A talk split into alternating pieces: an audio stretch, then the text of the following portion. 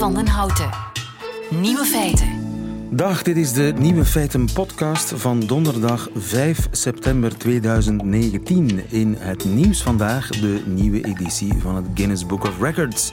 5000 records in 255 bladzijden alstublieft. En dat is nog maar een fractie van wat het boek aangeboden krijgt.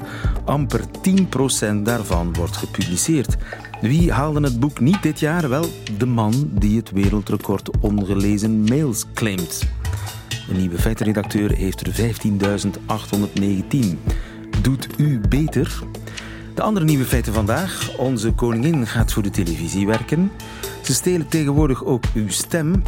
Een klooster in Nederland heeft een nieuwe bron van inkomsten gevonden, namelijk een natuurbegraafplaats. En ook dieren hebben oogwit. De nieuwe feiten van Nico Dijkshoorn hoort u in zijn middagjournaal. Veel plezier. Nieuwe feiten. En een nieuw feit van je welste, want onze koningin die krijgt een rubriek op de televisie in het programma Merci voor de muziek van Bart Peters vanavond voor het eerst te zien. Waarom is muziek zo belangrijk voor jou? Ehm, door mijn autisme heb ik soms ehm, heel veel stress en zo. En zo kan ik cello ook spelen en dan ehm, word ik helemaal ontspannen. Je hebt dit gevoel dat cello echt rust eh, brengt voor jou. Eigenlijk ook wel, ja. Fantastisch. Fantastisch, koningin Mathilde, vanavond op 1 in de nieuwe show van Bart Peters. Jo de Poorter, goedemiddag. Goedemiddag. Royalty Watcher en communicatie-expert. Wat gaat de koningin precies doen op televisie? Wordt ze een soort van journaliste? Ik uh, weet alleen maar wat, ik, wat, ik, wat jullie ook gezien hebben uit de media. Ik heb een foto gezien vandaag waar uh, Mathilde van de zijkant gefotografeerd is en zeer aandachtig en liefdevol uh, kijkt naar een meisje achter een harp. En dat is haar helemaal besteed, denk ik. Ik denk ja. dat ze dat zeer zorgvuldig gaat doen. Het is een rubriekje waar kinderen een instrument komen bespelen en de majesteit knikt liefdevol toe. Dat is wat ik ervan Dat, dat is eigenlijk de, de rubriek. Ja. De, de, kindjes mogen gaan spelen, uh, muziek gaan spelen. Ja, en die hebben ze, neem ik aan, allemaal achter elkaar opgenomen op één dag. Dat de majesteit er ook weinig tijd aan kwijt was. Dus al die kinderen bij elkaar gepropt in Laken. Of aan het begin om acht uur en s'avonds om zes uur gedaan. Zeg maar, en... joh, er waait kennelijk een nieuwe wind hè, door het paleis in uh, Laken. Vroeger zag je de koning en de koningin alleen maar op het défilé. Ja. Of maar... tijdens een speech. En tegenwoordig is dat wel anders. Want ik heb hem gezien, de koning bij Kobe Ilsen, Ja. Philippe Geubels... Vive le vélo, die, mo die mochten Ja. ook allemaal naar Laken komen. Oh, dat is een kleine taart. Hebt u soms geen kaarsen? Tuurlijk. Ah, Ja, ja. het was toch een mooie deal, hè? Ik bracht de taart en u bracht de kaarsen. Goeiedag. Aangenaam, majesteit. Goeiedag. Mijn komen. Et on se voit tout à l'heure. We zien elkaar straks. Absoluut. Dus hebben we nog een paar uur om, om zich voor te bereiden. Een goedenavond, dames en heren. Als je een uitnodiging krijgt om in de tuin van de koning te zitten, dan sla je die uitnodiging uiteraard niet af. Jetje, wat is er aan de hand? Maar je zei een waait een nieuwe wind. Ik denk dat er een venijnige tocht door het paleis trekt. Uh, want uh, ja, er gebeurt heel veel en dat heeft vele redenen. Um, een belangrijke reden is een staatkundige reden. Koning Filip zit natuurlijk geregeld aan tafel met uh, Reinders en Van der Lanotte, waar hij de paniek uit de ogen van die mensen leest en begrijpt dat aan de ene kant van de taalgrens zijn land die kant op gaat en de andere kant. Dat is voor iedereen erg, dat na honderd dagen er nog geen gesprekken zijn. Maar dat is voor hem specifiek erg, omdat natuurlijk, dat is zijn baan. En twee, dat is ook zijn achternaam. Hij heet van België. Hij heet niet van confederaliteiten. Dus er is wat angst om het hart. En dan, dan, krijg je, ja, dan krijg je dit soort dingen, dat men zich beter en anders wil laten zien. En wat je daarnet ook zei, was vroeger het défilé. En er was de kersttoespraak en de toespraak van van de Nationale Feestdag. Maar daar kijkt nauwelijks nog een kip naar. Dat heeft niet meer de impact die het vroeger had. Plus het feit dat er ook een aantal podia of media verdwenen zijn. Een programma Royalty, uh, waar ik zelf nog deel aan heb gehad, uh, is verdwenen. Er zijn heel wat gespecialiseerde publicaties, maandbladen, weekbladen, die daar speciaal over gingen, die allemaal verdwenen zijn. Dus er is sowieso in de onrustige, snelle media minder aandacht voor de koninklijke familie. En wat doet de koninklijke familie dan? Alle aandacht die ze krijgen, beter aanvaarden en beter gebruiken en beter ja, kanaliseren, zoals dat heet. En is dat charme-offensief alleen gericht op Vlaanderen, of vooral gericht op Vlaanderen? Uh, dat is niet alleen gericht op Vlaanderen. Er is een grote documentaire geweest vorige week die de Duitse televisie gemaakt heeft. Eh, over koningin Mathilde. Daar hebben ze speciaal eh, toegang tot haar leven voor gekregen. Ehm, men is vooral ook bezorgd om het beeld dat België heeft in het buitenland. Als je vroeger in het buitenland, je bent ook wel eens in het buitenland geweest, lieve. Als je vroeger in het buitenland kwam, ja, niemand heeft ooit van het Belgisch Koningshuis gehoord. En als ik nu, ik was vorige week in Londen, en dan gaat toch in de gesprekken, gaat het over die, ja, that, that foolish uh, Belgian king who doesn't want to recognize his daughter. Dus waar we dan bekend voor zijn in het buitenland, is voor zijn vader, die die dochter niet herkent.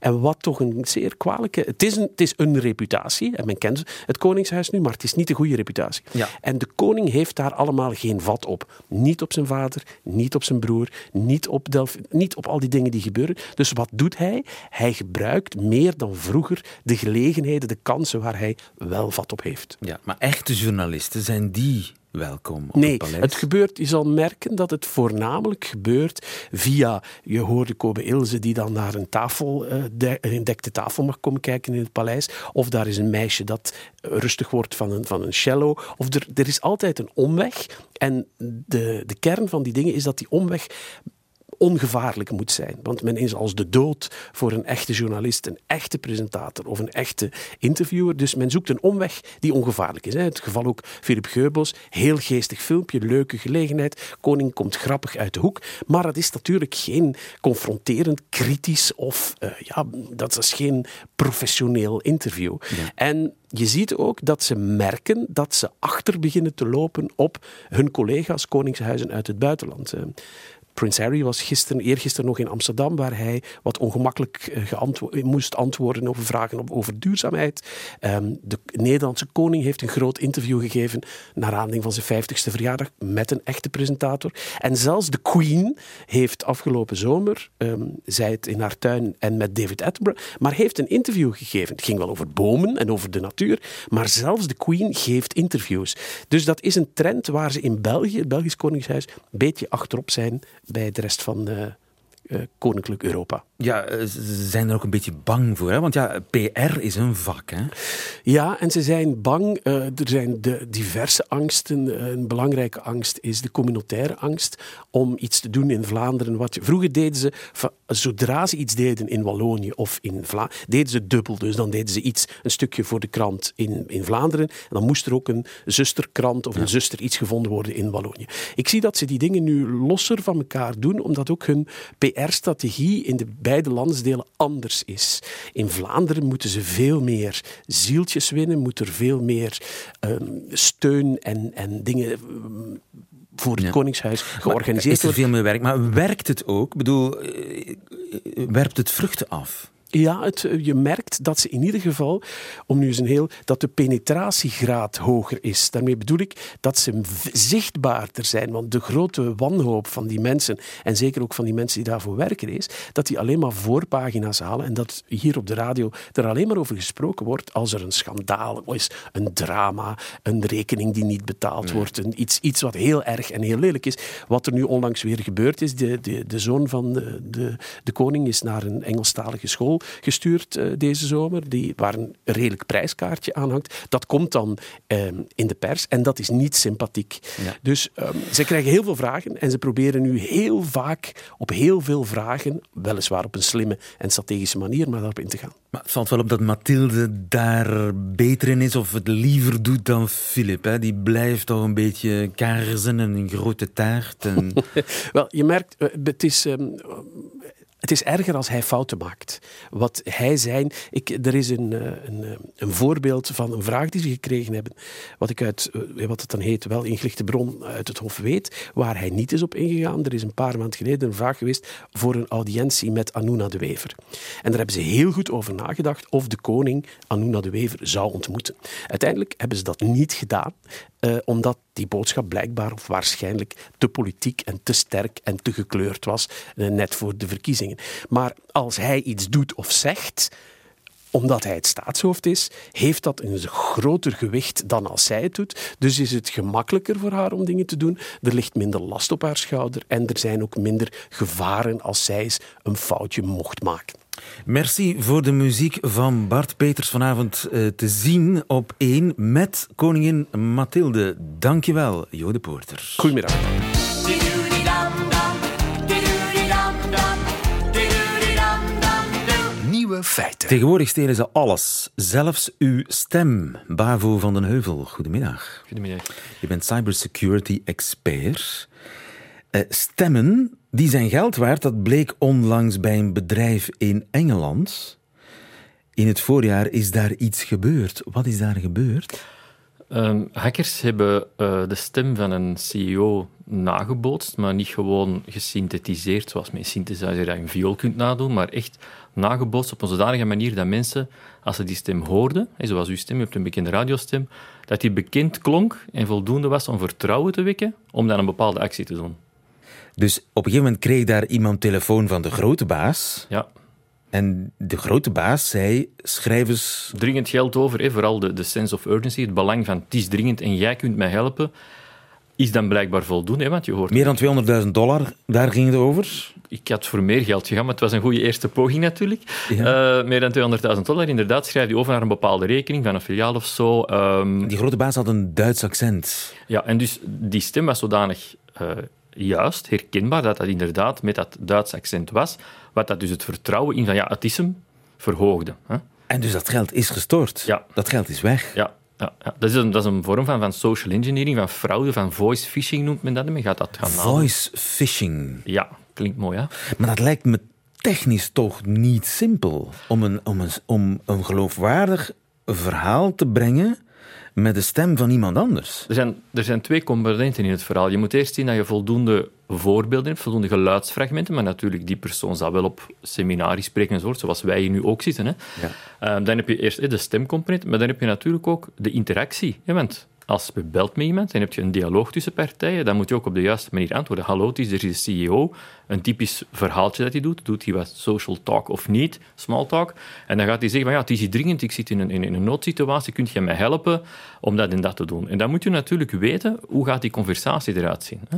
En dat weet je niet altijd van de tegenpartij.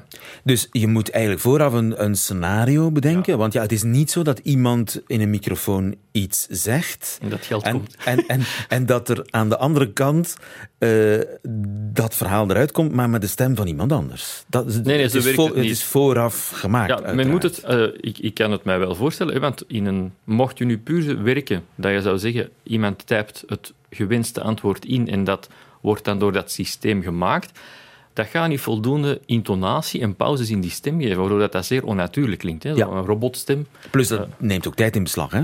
Ja, Eerst ja. tikken en dan... Ja, dus dat, ja, dat- daar inderdaad. gaan, dus je moet eigenlijk vrij goed weten, eh, en dat is ook toegepaste psychologie, hoe zal iemand reageren als ik zeg van ja, het is hier dringend, heb je iets voor te schrijven? Dan ga je ja zeggen, hè? of ik neem iets. En dan de volgende stap, schrijf goed op, dat is de nummer. Herhaal jij de nummer nog eens, heb ik weer wat tijd gewonnen. Voilà, ik reken erop dat je dat dan nu ogenblikkelijk Je kunt iemand echt makkelijk beetnemen, hè? Ja, zeker als er zo'n een machtsonevenwicht is. Hè. Die CEO zegt u iets om te doen, ja, dan doe je dat, hè, want die zegt dat. Hè. Ja. Nu, hoe eh, goed dat klinkt, dat eh, bewijst een Amerikaans bedrijf die daarin gespecialiseerd is, niet om stemmen te stelen, maar om mensen met een handicap te helpen of zo. Dat, hoe, de- zij hebben een stunt gemaakt met een, met een Amerikaanse komiek, Joe Rogan. Laten we eerst even naar zijn originele stem luisteren. was a terrible story about a guy who had kept a pet chimp and then brought the uh, chimp a birthday cake on his birthday. And the other chimps found out that this chimp was getting a birthday cake and they saw it and they weren't getting any cake and they were fucking furious. So someone had inadvertently left one of the gates open. So the chimps got out and tore this guy apart. Ja, dus een verhaal over chimpansees door Joe Rogan. Niks mis mee, klinkt heel natuurlijk. En dat, eh, dat stemcomputerbedrijf heeft daar dit van kunnen maken. I've got something new to tell all of you. I've decided to sponsor a hockey team made up entirely of chimps. I'm tired of people telling me that chimps are not capable of kicking human ass in sports. Chimps are just superior athletes. These chimps will rip your balls off. God damn, it's impressive. Impressive, inderdaad, dat is het juiste woord. Hè. Had je het mij niet vooraf gezegd, dan had ik nooit gedacht, dit is fake. Het is, ja, het is onwaarschijnlijk. Ik heb er eh, wat over opgezocht. Men, kan, men heeft in China een, een, een, eh, een systeem gebouwd dat op basis van enkele seconden stem, hè, dus men moet niet per se de lettergrepen horen, op enkele seconden stem, die zodanig kan uitrafelen dat men die stem kan brengen met het juiste stemtimbre. Dus we zitten nog maar aan het begin. Er komen nog technische revoluties aan die, die veel verder gaan. Ja, absoluut. En, en het gaat ook ehm, voor hackers gemakkelijker toepasbaar zijn. Hè. Een voorbeeld, hè, uw bankdirecteur belt, het is 5 september vandaag, die zegt oei lieve, uw lening is niet betaald. Dan zegt van, oei, mijn bankdirecteur belt, ik herken die stem. Dus dat is al stap 1. Het is mijn bankdirecteur. En die zegt, ja, maar hé, waar zit u nu? Ja, ik zit op mijn werk. Ah, maar ik kan u helpen. Lieve, hebt u toevallig uw bankkastje bij? En dan zal ik u zeggen wat dat je moet doen. Je voelt het al komen, hè? Ja. Ja, en die, en die gaat uw lening, die jij nu niet kunt nazien, want die is dringend, dringend, dringend, gaat hij even fixen voor u. Dat is natuurlijk een hacker. En jij denkt dat uw bankdirecteur, wat een lieve mens, die laat mij weten dat mijn lening niet is doorgegaan. En straks kun je thuis zien dat je twee keer uw lening hebt betaald. Ja, maar als mijn bankdirecteur belt, dan zal ik die stem herkennen. Ik zal doen wat hij zegt. Maar wetende wat ik nu weet, hoe kan ik dan checken of dat wel de echte bankdirecteur Ja. is? Hoe gaat u dat checken? Dus men gaat in twee componenten. Men heeft eerst die stem kunnen nabouwen, dat is één zaak. Maar dan heeft men uiteindelijk, men moet ook scenario's hebben. U gaat iets Ja, zien ja. Dus wat ik zou voorstellen is om een standaard scenario te doorbreken. Dus die belt u. Een strikvraag stellen. Een strikvraag stellen. Of te zeggen, of bijvoorbeeld zeggen van, ik heb u niet gezien op de voetbalzaterdag. Dan zeggen ze, oei, dat is niet voorbereid. Hè?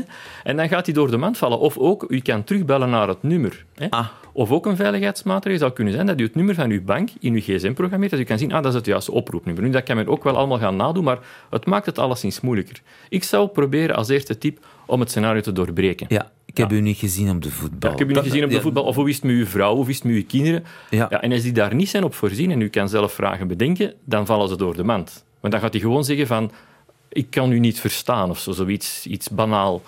Dus dat gaat wel zo moeten gaan komen, want wat gebeurt er bij, bij zoiets als dit? Dat is nu nog geen mainstream technologie, dus dat is nog niet voor iedereen beschikbaar in de volksmond. Maar hackers gaan dat gemakkelijker kunnen gaan toepassen. U betaalt misschien met uw banking-app op uw gsm, maar bijvoorbeeld oudere mensen die gaan nog altijd met hun kasken op hun computer dat allemaal zo gaan doen. Als we die mensen kunnen targeten en kunnen weten wat dat die normale betalingspatroon zijn, ja, dan ga je die kunnen misleiden en dan gaan die dus allemaal die overschrijvingen van die lening in het begin van de maand toe naar die hackers zijn rekening. Ja, want die zaak komt nu in het nieuws. Hè, van die, die, dat bedrijf in Engeland dat eh, meer dan 200.000 dollar kwijt is omdat de baas zogezegd belde. Heeft u weet van gelijkaardige gevallen? Ik heb daar geen weet van. Nu, je moet weten, allee, vanuit, vanuit onze job ook, veel bedrijven durven met zoiets ook niet naar buiten komen. Dus er zijn heel veel, dat noemt dan CEO-fraude. Dat is eigenlijk door het misleiden van de mensen door te denken de CEO stuurt een e-mail, of de CEO belt, of de CEO stuurt een dringende fax van op vakantie. Dus we zullen dat dan maar doen, want het was de CEO en er zijn een aantal elementen die zeggen van ah, dit lijkt inderdaad van de CEO te komen, want inderdaad, die is op vakantie in Thailand en die fax komt van Thailand. Maar bedrijven willen daar niet mee naar buiten komen, hè, want dan is Ja. er iets mis. Hè. Maar is er reden in... eh, ah, bijvoorbeeld, ik krijg een telefoon van een callcenter. Dat kan bijvoorbeeld iemand zijn. Nu, in mijn geval, eh, voor de radiowerkende gaan ze dat niet doen misschien. Maar eh, dat kan gewoon iemand zijn die mijn stem wil stelen. Ah ja. Nu, daar heb je natuurlijk... allee, we zitten hier in een radiostudio. ehm, de resolutie van de stem. Ik weet niet of dat voor de luisteraars herkenbaar is, maar als je bijvoorbeeld belt met je gsm via FaceTime of WhatsApp, die stem klinkt veel beter. Hè? Dat is Ja. een grotere bandbreedte technisch gezien. Ja. Als u naar een callcenter gewoon belt, is dat een, een, een telefoonstem. Die klinkt daar niet kunnen zo ze goed. niet zoveel Daar hebben ze doen. niet genoeg informatie Ja, om het goed te maken. Want ook in de, het geluid dat u er juist weergaf, de eerste opname voor mij, ik zit nu in de studio met een goede hoofdtelefoon, was veel beter, veel Juist. gedetailleerder Juist. van kwaliteit dan de tweede. Ja. Dat klopt. Dus eh, voorlopig geen groot gevaar, maar toch opletten geblazen als je rare telefoontjes krijgt van mensen eh, die u vragen om een bepaald bedrag dringend over te schrijven. Dat zou ik zeker doen. Ja. Niet meteen op ingaan. Dankjewel, Bavo van den Heuvel. Goedemiddag. Nieuwe feiten. Altijd benieuwd. De zusters van Abdij Koningsoord in Nederland, vlakbij Arnhem, die zaten met een nijpend probleem. Namelijk het geld was op. En hoe zouden de zusters in godsnaam aan nieuwe inkomsten geraken? Goeie raad was duur. Maar zuster Wendelin, goedemiddag overigens. Jullie hebben daar iets op gevonden. Goedemiddag, ja, daar hebben wij iets op gevonden. Wat hebben jullie bedacht? Ehm, iemand, na lang zoeken trouwens, heeft iemand ons aangeraden van eh, waarom zouden jullie geen natuurbegraafplaats beginnen? En dat is het uiteindelijk geworden, een natuurbegraafplaats. En eh, waar dachten jullie zo nog aan om aan geld te geraken? Ja, het lag voor de hand. We zijn de orde van de trappisten, dus we hebben natuurlijk er ook aan gedacht om een biertje te gaan brouwen. Een trappistinnenbiertje dan. En waarom viel dat af? Eh, nou ja, uiteindelijk wordt er al zoveel gebrouwen door de mannen dan wel, maar er wordt toch al behoorlijk veel gebrouwen. Je moet dan een goed bier hebben, wil je er ook kunnen van leven. En wat ook nog meer meespeelde is eigenlijk, we hadden een paar jaar geleden een flink stuk grond aangekocht. En het is altijd de bedoeling geweest om de stilte in ons leven wat te waarborgen. En dus uh, we hadden dat terrein liggen en een natuurbegraafplaats zou natuurlijk ideaal zijn in zo'n natuurgebied wat we erbij gekocht hadden. Ja, ja. En waarom hadden jullie dat gebied erbij gekocht? Vooral dus om uh, de stilte te waarborgen. Je weet nooit als een andere partij de grond koopt wat ermee gebeurt. Ja. En stilte en, en de natuur trouwens ook zijn heel belangrijk in ons leven. Ja, je wil niet dat er naast het klooster een, eh, een festival oord komt, uiteraard. Nee, nee daar uh, zitten we niet op te wachten. En toen zei iemand een natuurbegraafplaats. Uh, wat is een, ik, ik, heb helemaal geen idee wat dat dan is, een natuurbegraafplaats. Is dat uh, iets met bomen waar je dan gewoon zonder kist in de grond gaat? er, kunnen, er kunnen bomen zijn, inderdaad. Het idee van de natuurbegraafplaats is eigenlijk... Er is een heel stuk natuur, echt zoveel mogelijk puur natuur wat dan ook bestemmingsplanwijziging ondergaan heeft om echt natuurbegraafplaats te worden en te blijven. Dus dat is tot in de eeuwen der eeuwen bij manier van spreken. De mensen kiezen een plekje uit midden in de natuur. Bij ons is het zo dat onze natuurbegraafplaats is ingericht in vier delen, de vier seizoenen. Elk seizoen heeft een eigen karakter en mensen kunnen dan echt bewust kiezen: ik wil onder die boom begraven liggen of bij die bloem of in de lente daarom en daarom. En hoe, hoe ziet het stuk lente eruit bijvoorbeeld? Het stuk lente, dat zijn uh, lentebloemen met een paar uh, vruchtbomen. Dus Mooi. het ziet er eigenlijk vooral heel groen uit, met een uh, paar kleurtjes en dan een paar bomen die, uh, die vrucht dragen, zeg maar. En kan ik dan gewoon een plekje kiezen van ik wil daar tussen die bloemen onder die kersenboom? Ja, bijvoorbeeld, ja, ja. En word ik dan in een kist begraven of in een kartonnen doos? Hoe moet ik me dat voorstellen? Uh, de keuze is aan de mensen zelf. Het kan een kist zijn. Het kan bijvoorbeeld ook een rieten mand zijn. Het kan ook een lijkwade zijn. Uh, de voorwaarde is alleen dat het uh, biologisch afbreekbaar is. Juist. Dus allemaal puur natuur graag. En, en krijg ik een steen? Nee, op de natuurbegraafplaats komen geen stenen. Er komt wel, als de, als de nabestaanden het willen, komt er wel een houten gedenkschijf die gemaakt is uit de bomen van ons bos. En daar komt dan bijvoorbeeld de naam op of de datum of een spreuk of, uh, of wat dan ook. Maar ook die zal in de loop der jaren vergaan. Die Klopt, schijf. die zal zeker in de loop der jaren vergaan. En het is zo dat mensen een nieuwe schijf kunnen bestellen als ze dat willen. Maar de ervaring van andere natuurbegraafplaatsen is, is dat er meestal geen behoefte meer aan is. Dat de mensen het tegen die tijd wel goed vinden. En dat ze dan eigenlijk gewoon over de begraafplaats wandelen en wetend, mijn geliefde ligt daar of daar. Maar ik weet niet waar precies. Uh, dat is wel heel uh, precies te bepalen, want alles wordt ingemeten en er is een heel GPS-systeem waarmee eigenlijk heel precies kan aangegeven worden van wie waar ligt. Oh ja, je krijgt een, een GPS-tracker mee uh, als je je overleden oma of zo wil bezoeken, dan weet je precies daar. Ja, dan uh, kun je naar het uh, ontvangstgebouw lopen en zeggen ik wil graag die of die bezoeken, kunt u mij zeggen waar die ligt en dan krijg je inderdaad een GPS-tracker mee waardoor je heel precies op de plaats komt. Ja, de ene zijn dood is de andere zijn brood, zeggen ze wel eens, hè? Ja, zo is dat uh, in dit geval wel uh, zeker, ja. ja. Heel letterlijk. Maar het lijkt, Ja, mij, ja. het lijkt mij een prachtige plek uh, om je laatste rustplaats te vinden. En onderhouden jullie die plaats zelf? Gaan jullie dan onkruid wieden en zo? Nou, onkruidwieden zal niet nodig zijn, want we willen toch vooral de natuur zijn gang laten gaan.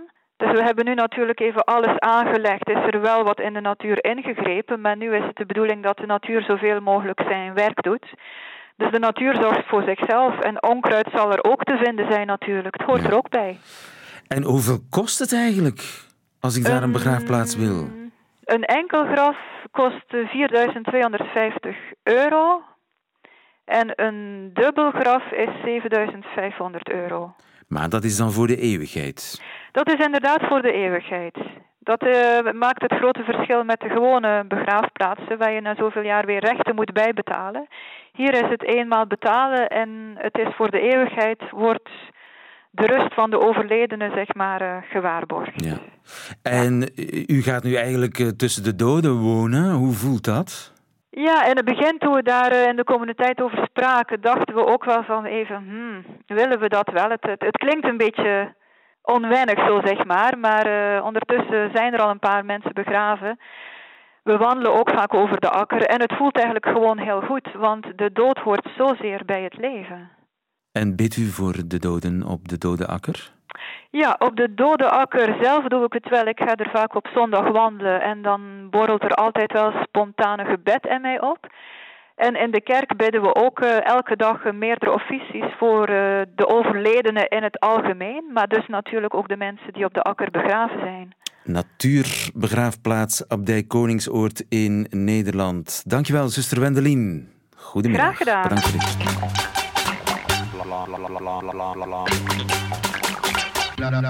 Nieuwe feiten. Het oogwit van een dier, heeft u dat ooit gezien? Wel, ik ook niet. Paarden en honden, die hebben toch van die eenkleurige bollen. En bij een kat, ja, dan zie je alleen de iris, hè, dacht ik. Nee, oogwit, dat is of lijkt toch iets compleet menselijks te zijn. Iets uniek voor ons. Maar dat klopt dus niet helemaal. Dag Mariska. Goedemiddag. Mariska Kret, docent in Leiden aan de universiteit. U heeft ontdekt, samen met een heleboel andere collega's, dat sommige dieren toch een soort van oogwit hebben. Hoe zit dat? Ja, klopt. Uh, gedacht werd altijd dat het, uh, het oogwit van mensen echt iets unieks is in het, uh, in het dierenrijk.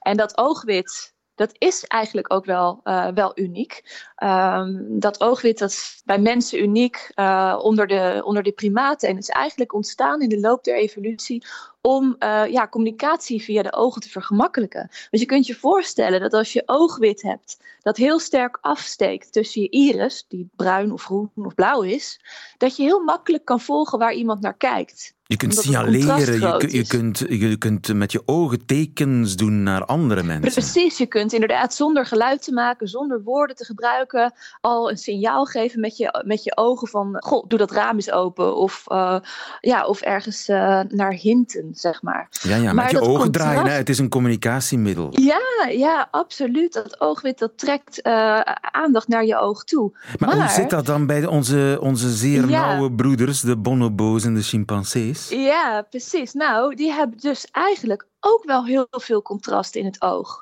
Bij bonobo's is het vergelijkbaar als uh, bij mensen. Zij hebben ook oogwit. Het is iets donkerder dan bij mensen. Uh, maar hun iris is ook iets donkerder dan de gemiddelde mens. Dus het contrast tussen het oogwit en de iris is eigenlijk hetzelfde. En bij chimpansees is dat contrast ook hetzelfde. Alleen hebben zij in plaats van oogwit ja, oog zwart eigenlijk. Aha. En is de iris juist weer lichter van kleur. Bij chimpansees is die soms zelfs oranje kleurig. Dus dat knalt er ook enorm uit. Dus ook bonobo's en chimpansees die kunnen met hun ogen draaien. Het oogwit is Absoluut. wel niet letterlijk wit, maar er is wel contrast tussen hun iris en de rest van het oog. Precies, okay. ja, precies. En dat is, dat is een nieuwe bevinding inderdaad. Ja. En hoe zit het bij paarden bijvoorbeeld en koeien? Ja, je hebt als je kijkt naar andere gedomesticeerde diersoorten, zoals paarden, koeien, maar ook honden, dan zie je dat die ook in vergelijking met hun uh, ja, wilde soortgenoten, of nou niet, niet soortgenoten, maar hun wilde, uh, nou ja, neefjes. bijvoorbeeld. Ja, ja neefjes, bedankt. Uh, dan zie je inderdaad dat die gedomesticeerde soorten ook wel redelijk veel oogwit hebben. En misschien dat dat samenhangt met specifieke genen die voor domesticatie coderen. Uh, wat weer samenhangt met een vermindering in reactieve agressie. Dus als wij onszelf uh, vergelijken met onze neefjes in het wild, dus de, de mensapen, dan zie je dat bij ons de agressie, reactieve agressie, dus echt meteen reageren als iemand iets doet wat je niet zint, dat is in de mens wel afgenomen. En in honden ook. En heeft dat te maken met een sterker oogwit? Nou, uh, wat je dus ziet in gedomesticeerde soorten is dat ze langer uh, een ja, babyface uh, houden en dat hun lichaamsbouw ook tengerder is. Als je ons dus vergelijkt met de, ja, met de nog levende mensapen, ja, dan zijn we heel tenger en hebben we een enorme babyface. ja. En ook eh, als je kijkt naar het gezicht van een hond, die heeft eigenlijk ja, puppy eyes, hè, grote ogen. Ehm, echt die uh, infantiele kenmerken, hangende oortjes, flap, flop, flappy uh, oortjes. Dat zijn allemaal van die kenmerken die samenhangen uh, met domesticatie. En dat oogwit, dat zou daar ook wel eens iets mee te maken kunnen hebben. Maar ja. dat moet nog verder uit worden gezocht. Want je moet toch echt goed kijken om dat contrast te zien. Hè? Want voor mij is een paardenoog één zwarte bol. Nou, als je goed kijkt naar een paard dat bijvoorbeeld angstig is en zijn ogen wijd open spert, dan zie je echt wel veel oogwit hoor. Oké. Okay. Ja. Dus we zijn weer een illusiearmer. Wij zijn ja, helemaal inderdaad. niet zo anders dan de dieren. Nou, waar we wel heel anders in zijn, is dat de mens continu op zoek is naar dingen die de mens uniek maakt. dat is tenminste iets unieks.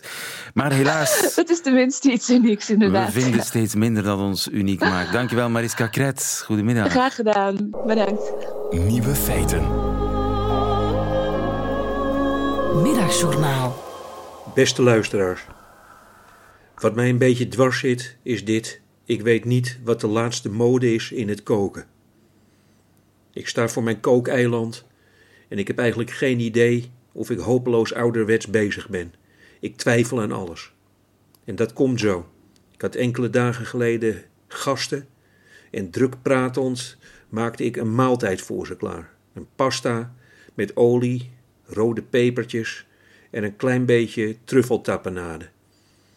Toen ik het bord op tafel zette, zei een van mijn gasten: Ah, dat is ook wel weer eens lekker, lekker makkelijk pasta.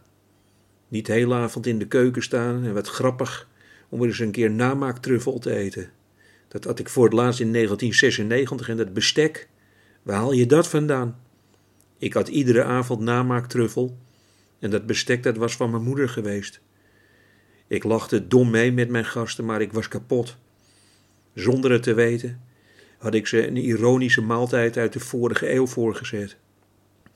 Nu wil ik dus zo snel mogelijk weten wat op dit moment helemaal de shit is om te koken. Ik neem aan dat slowcook alweer passé is. 14 uur lang vlees garen op je vloerverwarming, dat doet niemand meer. Slowkoeken suggereert rust en vrede midden in hectische tijden. Maar de hele wereld staat in brand. In Engeland vechten ze zich dood in het parlement, huizen worden door orkanen de lucht ingezogen. En ondertussen laat Nico Dijksoor in Leiden drie dagen lang een varkenspen scharen in zijn eigen kookvocht. Dat werkt dus niet. Slowkoeken, dat is het niet. Maar wat is het dan wel? Koken met lokale ingrediënten, dat zou heel goed kunnen. In Noorwegen betekende dat jarenlang dat je op een stuk bosgrond zat te kauwen en dat je als nagerecht een bevroren mierennest op je bord kreeg.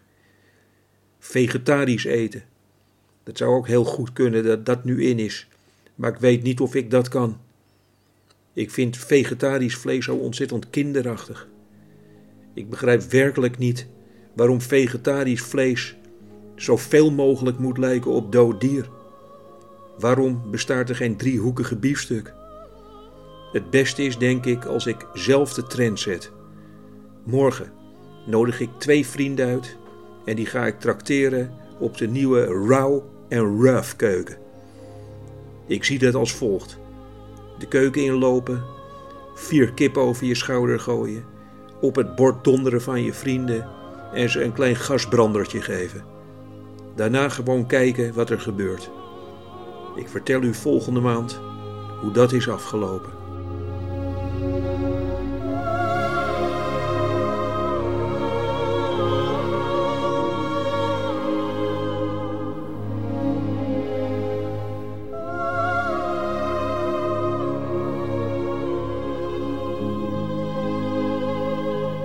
Het middagjournaal met Nico Dijkshoorn. De hele uitzending van Nieuwe Feiten, inclusief de muziek, kunt u beluisteren via de Radio 1-app of op onze site, waarop nog veel meer podcasts. Tot volgende keer.